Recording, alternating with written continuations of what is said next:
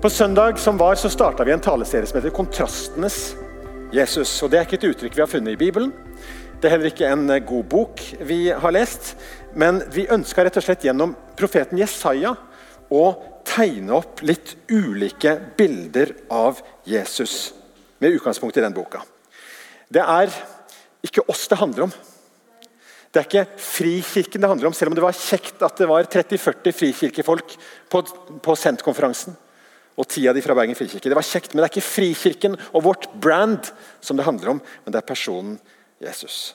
Så Gjennom denne taleserien så er vår drøm og vår bønn at du skal oppdage, oppdage, litt mer av den rikdommen som Jesus er. Bli litt mer glad i Jesus og takke han litt mer for den han er og det han gjør i våre liv. I Jesaja så ser vi at Jesus er omtalt som underfull rådgiver. I Jesaja 9 er du rådvill. I Jesaja 40 så ser vi at han er den gode hyrde som samler lamma og fanger, løfter de opp i fanget sitt. Trenger de omsorg? I Jesaja 49 så ser vi at Jesus er som en mor. Trenger du nærhet? Og I kapittel 61 så ser vi at Jesus er den evige konge som gjenoppretter sitt rike. Og Enten du har behov for det eller ikke, så er han den kongen. Og heldigvis ikke en despot av en konge, men en tjener konge, og det skal du få høre mer om. Men i dag skal vi sette fokus på at Jesus er den lidende tjener. Jesaja 53. Jesus er som en sånn diamant som funkler i ulike fasetter. Og vi gjør vel i å betrakte Jesus i hans skjønnhet og dvele ved hans herlighet. De to orda, skjønnhet og herlighet, har vi fra Salme 27, og fra 2. Korinterbrev kapittel 3. Der står det én ting ber jeg Herren om, og dette ønsker jeg, å få bo i Herrens hus alle mine dager, så jeg kan se Herrens skjønnhet og være i hans tempel. I 2. Korinterbrev kapittel 3 vers 18 står det og vi som uten slør for ansiktet ser Herrens herlighet som i et speil. Vi blir alle forvandlet til dette bildet, fra herlighet til herlighet, og dette skjer ved Herrens ånd. Norsk er jo et veldig fattig språk. Så Når jeg sier skjønnhet, så kan jo vi tenke at det, ja, når bergensere snakker om det, så sier de å, du er så skjønn. Og så mener de at du er litt sånn rar eh, og sjarmerende på et vis. ikke sant? Men skjønnhet På engelsk ville det vært beauty. Og så handler det ikke bare om ytre visuell skjønnhet, som vi kanskje fort tenker på, men det handler om at Jesus han er god fra innsiden og ut. Du er bare god, Jesus. Du er så skjønn. Og Det samme med herlighet. Det er jo et sånt eh, litt mildt eh, kraftuttrykk. Og herlighet. ikke sant? Men når det står om herlighet i Bibelen, så er det det som Moses ba Gud om. Kan jeg få se din herlighet? Og Så sa Gud det, det blir for sterkt for deg. Men jeg setter deg her, akkurat her, for her er det en kløft i klippen. Så skal jeg gå forbi, men jeg må gå med ryggen først, for du kan ikke se mitt ansikt og leve. Kan jeg få se din herlighet, Gud? Og Så sier disiplene vi så hans herlighet. Når de snakker om Jesus, så sier de vi så hans herlighet. Tre av de fikk lov til å være med opp på en fjelltopp. Og Der ble Jesus åpenbart som sånn han egentlig er. Og Klærne hans ble skinnende hvite, og ansiktet hans det strålte som solen. Det er hans herlighet. Og så er det kanskje sånn at Når vi skal snakke om dette, her, så blir det kanskje det akkurat det der med Jesus sitt ansikt som lyser som solen. Hvem av dere vil se på solen? Vi, vi, vi, det går jo ikke. Men likevel så er det det som er tanken ved denne talen i dag. At vi rett og slett skal stirre inn i sola. Det er kanskje bedre og enklere å se på virkningen av sola. Se på isen som smelter når det er vår. Se på sola som skinner på en fjelltopp så den blir nydelig rød og det blir sånn solnedgang. Kanskje er det mer behagelig og enklere for oss å forholde oss til. En av de tingene som har slått meg de siste månedene, og som har slått mange rundt omkring på jorda, er det som vi kaller for Asprey-vekkelsen blant studenter i USA. Og, og, Det er litt sånn som å se på virkningen av sola, ikke bare se på sola. Så Før vi går til å snakke mer om Jesus på korset og Jesaja 53, så skal vi se på en dude som heter Zack Mercreebs. Og Mer vanlig enn Zack McCreebs tror jeg ikke det går an å bli. Dette er, dette er han som starta eh, vekkelsen i Asbury. Det er ikke, det er ikke alle ting som, som, det står om på VG, eller som NRK omtaler på podkast, men det har de gjort om Asbury-vekkelsen. Og Det starta en vanlig onsdag i februar, hvor Zack eh, åpner Chapel, som da er andakten på dette universitetet i Asbury, med å si Hi, I'm Zack, and I'm back. Og det er litt sånn akkurat sånn latter som dere gjør nå. Det er ikke morsomt i det hele tatt. Han er litt trøtt, han har ikke forberedt seg godt, og han holder en helt vanlig andakt. Sånn som jeg pleier å gjøre. Men om mulig er han kanskje bare enda vanligere enn meg. denne fyren her, altså. Og så sier han til slutt Hei, jeg har ikke noen avtale denne dagen. Jeg har ingen avtale. Jeg har en kaffeavtale senere i dag. Egentlig så har jeg tid til Hvis det er noen som har lyst til å bli igjen her i chapelet, i dette auditoriet, bli igjen her og lovsynge Gud, tilbe Han og søke Hans nærhet, så er det åpent for det. Så enkelt. Og så var det en 15-20 stykker som gjorde det. Og så blei de der, og så kom det et nytt lovsangsvenn på, og så holdt de på i litt over to uker. Og blei et fenomen. Som gikk viralt på TikTok og andre steder, og som hele verden nå snakker om. Og, og som vi ikke tror vi er ferdig med. For jeg tror at Noe av det som starter der, er noe Gud gjør nå. Det omtales altså som dette århundrets første store vekkelse. Og 50 000-70 000 mennesker valfarta til Asbury, denne lille byen med to veikryss. Eh, for å, liksom, kan, kan, vi få lov til å være med på noe her? Og, og Det spektakulære ved dette er ikke de 50 000-70 000 som kom. Og Hadde vekkelsen fortsatt, hadde de fortsatt med disse ongoing møtene som altså gikk dag og natt i to uker. Så hadde det sikkert kommet enda flere, men det er ikke det tallet som er det spektakulære ved denne vekkelsen. Det er heller ikke Zack som er det spektakulære ved denne vekkelsen. Det spektakulære er at Gud gjorde noe blant studenter. Og at det ikke handla om celebrity pastors. Og Det handla ikke om, om, noen spesielle metoder. Og Det handla ikke om noen spesielle begrep, noen spesielle ord, men det var Gud som rørte ved enkeltmennesker. Og studenter, denne generasjon sett som blir omtalt som en generasjon som, som har mye ensomhet, som har mye psykisk lidelse, det er snakk om depresjon. Og Så møter Gud dem, og så er det tårer, og så er det omvendelse og så er det vitnesbyrd om at han ser meg. Og jeg får lov til å tilhøre han. Hans kjærlighet er for meg. Det er Asprey-vekkelsen, Og jeg tror det sprer seg. Og så er Den gode nyheten at du og jeg trenger ikke å reise til USA for å kunne erfare Jesus. Han kan møte deg på en søndag formiddag i Bergen frikirke. Han er den samme nå som han alltid har vært, og vi skal få lov til å være i hans nærvær. Vi skal få lov til å se inn i hans ansikt denne formiddagen og betrakte hans skjønnhet og herlighet. Det forandrer oss. Og Så minte Kristine oss for to uker siden om hvordan kristenheten begynte som et måltidsfellesskap med bord i sentrum. Så gikk det videre Da Romerriket ble kristna, så var det et alter som kom i sentrum. Så kom reformasjonen, og en talerstol kom i sentrum. Og Her er vi med en scene som sentrum. Flere instrumenter og predikanter som oppfører seg som om det var litt standup-komikere og litt eh, filosofer eller et eller annet. Men i dag så tenker ikke jeg om meg sjøl at jeg er noen standup-komiker. Men jeg hadde lyst til å gi scenen til Jesus. Jeg har lyst til at du og jeg skal få lov til å se på ham. Og Det klareste bildet av Jesus finner vi i Jesaja 53. Og nå begynner talen. Teksten min er henta fra Jesaja 53, og Jesaja 53 begynner egentlig i kapittel 52 vers 13. For der står det Se, min tjener skal ha framgang, han skal opphøyes og løftes opp og bli svært høy.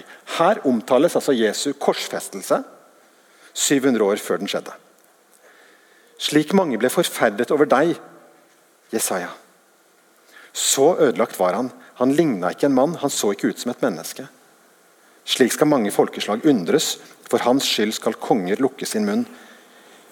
For det som ikke blir fortalt dem, skal de se, og det de ikke hørte, skal de forstå.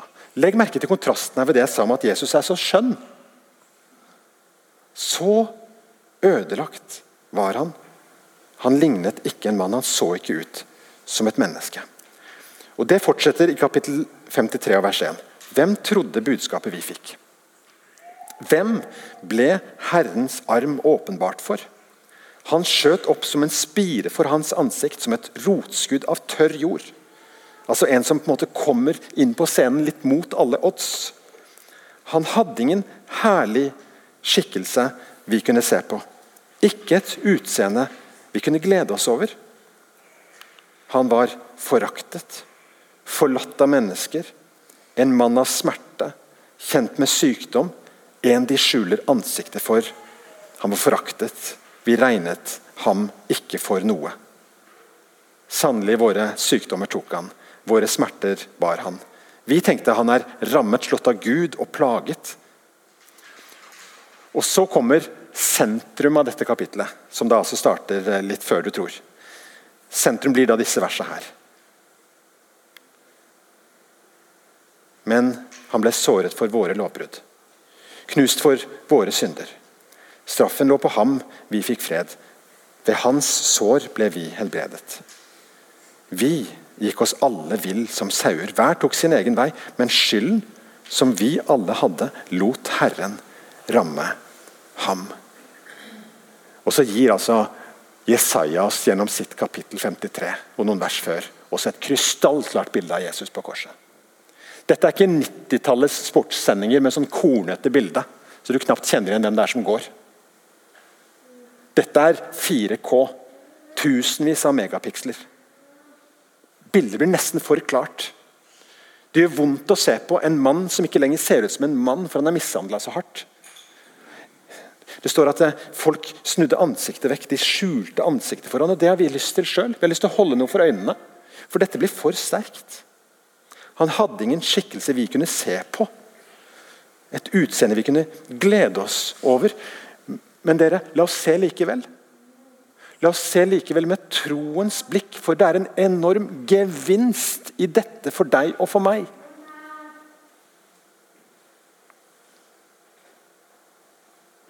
For det er våre sykdommer som er der.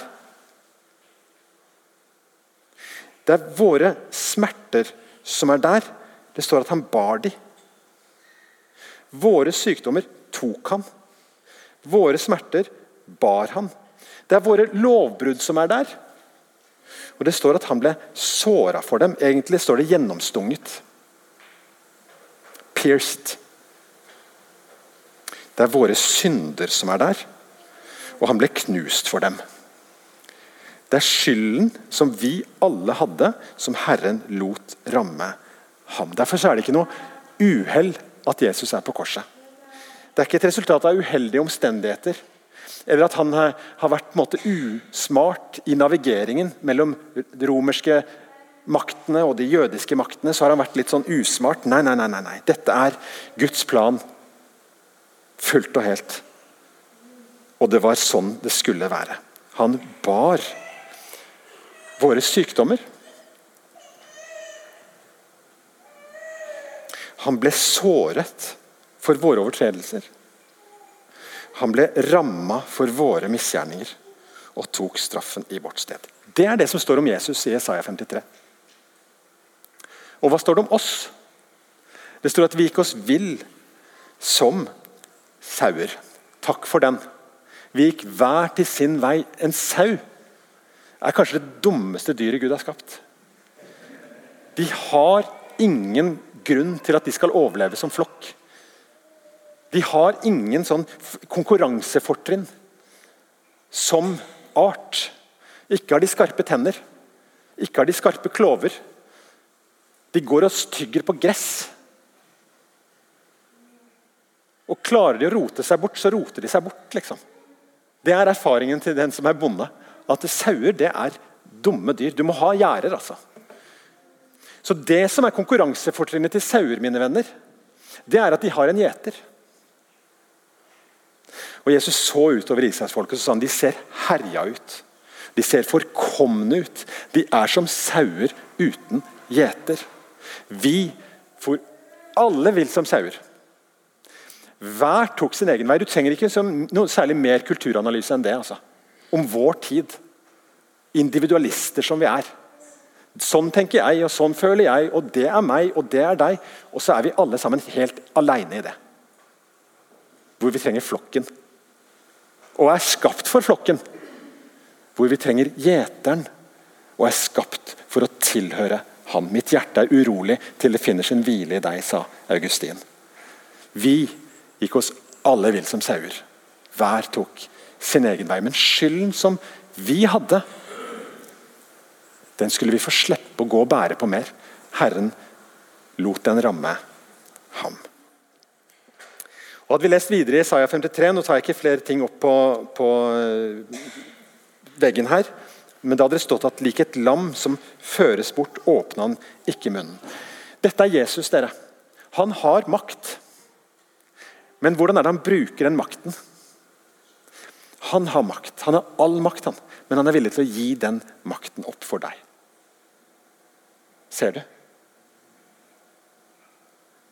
Det å ha makt og så manipulere med mennesker, det er det vi holder på med.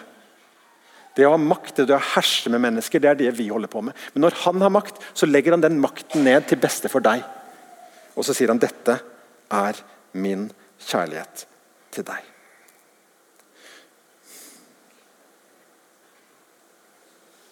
Dette er kjærlighet av edleste merke, utstilt på et kors. Jeg starta i dag med å snakke om hva vi skal se. Bjørn Eidsvåg har skrevet en nydelig sang i gamle dager for oss som vokste opp på 70-80-tallet, som husker den, men den er sunget senere også. Og Den sangen heter 'Jeg ser'. Den handler altså ikke om hva vi skal se, men det handler om hvem Jesus er, og hva han ser. Og han ser at du er trøtt står det i den sangen. Og Han ser at du har det vondt, står det i den sangen. Og Han ser at du vil gi opp, står det i den sangen. Og han ser at du er redd, står det i den sangen. Jesus kan ikke grine alle tårene for deg, men han griner med deg. Han kan ikke gå alle skrittene for deg, men han vil gå med deg. Han kan ikke leve livet ditt for deg, men han vil leve med deg. Og så kommer selve crescendoet i symfonien. Han gjør død til liv for deg. For du og jeg skal også en gang dø. Og vi må smake den sjøl. Det er ikke noe hyggelig tanke, og det er ikke noe enkel løsning. Men han har gjort den døden min til liv for meg. Og han har gjort den døden din til liv for deg. Det er det som skjedde på korset. Det er det som vi kan hente ut av Jesaja 53. At Jesus gjør død til liv for deg. Han bar din skyld, så du er skyldfri. Han bar din sykdom, så du kan bli helbreda her eller der. Men begge deler kan vi frimodig få snakke om og bringe hverandre fram for Gud, legge hendene på syke og be om helbredelse. Vi har sett noen vitnesbyrd om at det har skjedd.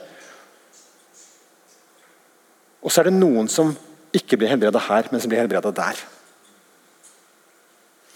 Og Som Ole Lilleheim, som talte her for noen uker siden, sa når kona hans døde av kreft, så sto det i dødsannonsen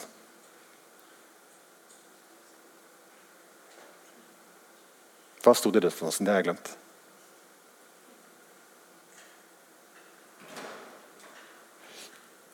Etter kort tids kamp måtte kreften gi tapt. Evig helbredet.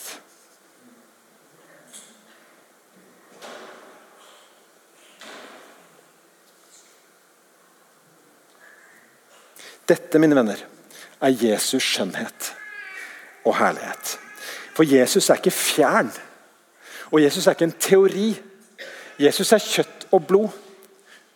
Han er kjærlighet utstilt på et kors i smerte. Det vil si at han forstår deg, og han vet hvordan det er å være menneske. Han lider sammen med deg når du har det vondt. Han gråter sammen med deg når du gråter. Og han har gjort død til liv for deg. Ser du skjønnheten og herligheten i Jesus? Og så tenker jeg som så at ressursene i korset er langt fra uttømt for deg og meg. Føler du deg avvist som menneske? Jesus ble avvist. Føler du deg ensom? Jesus var ensom. Føler du deg forlatt av mennesker? Jesus ble forlatt av mennesker. Har du det vondt? Jesus var en smertenes mann. Er du syk? Jesus var vel kjent med sykdom. Bærer du på sår? Jesus ble såra. Bærer du på skyld? Han som uskyldig var, tok straffen i ditt sted. Derfor så sier jeg frimodig kom til Jesus. Kom til hans kors. Gå frimodig inn i hans nærhet.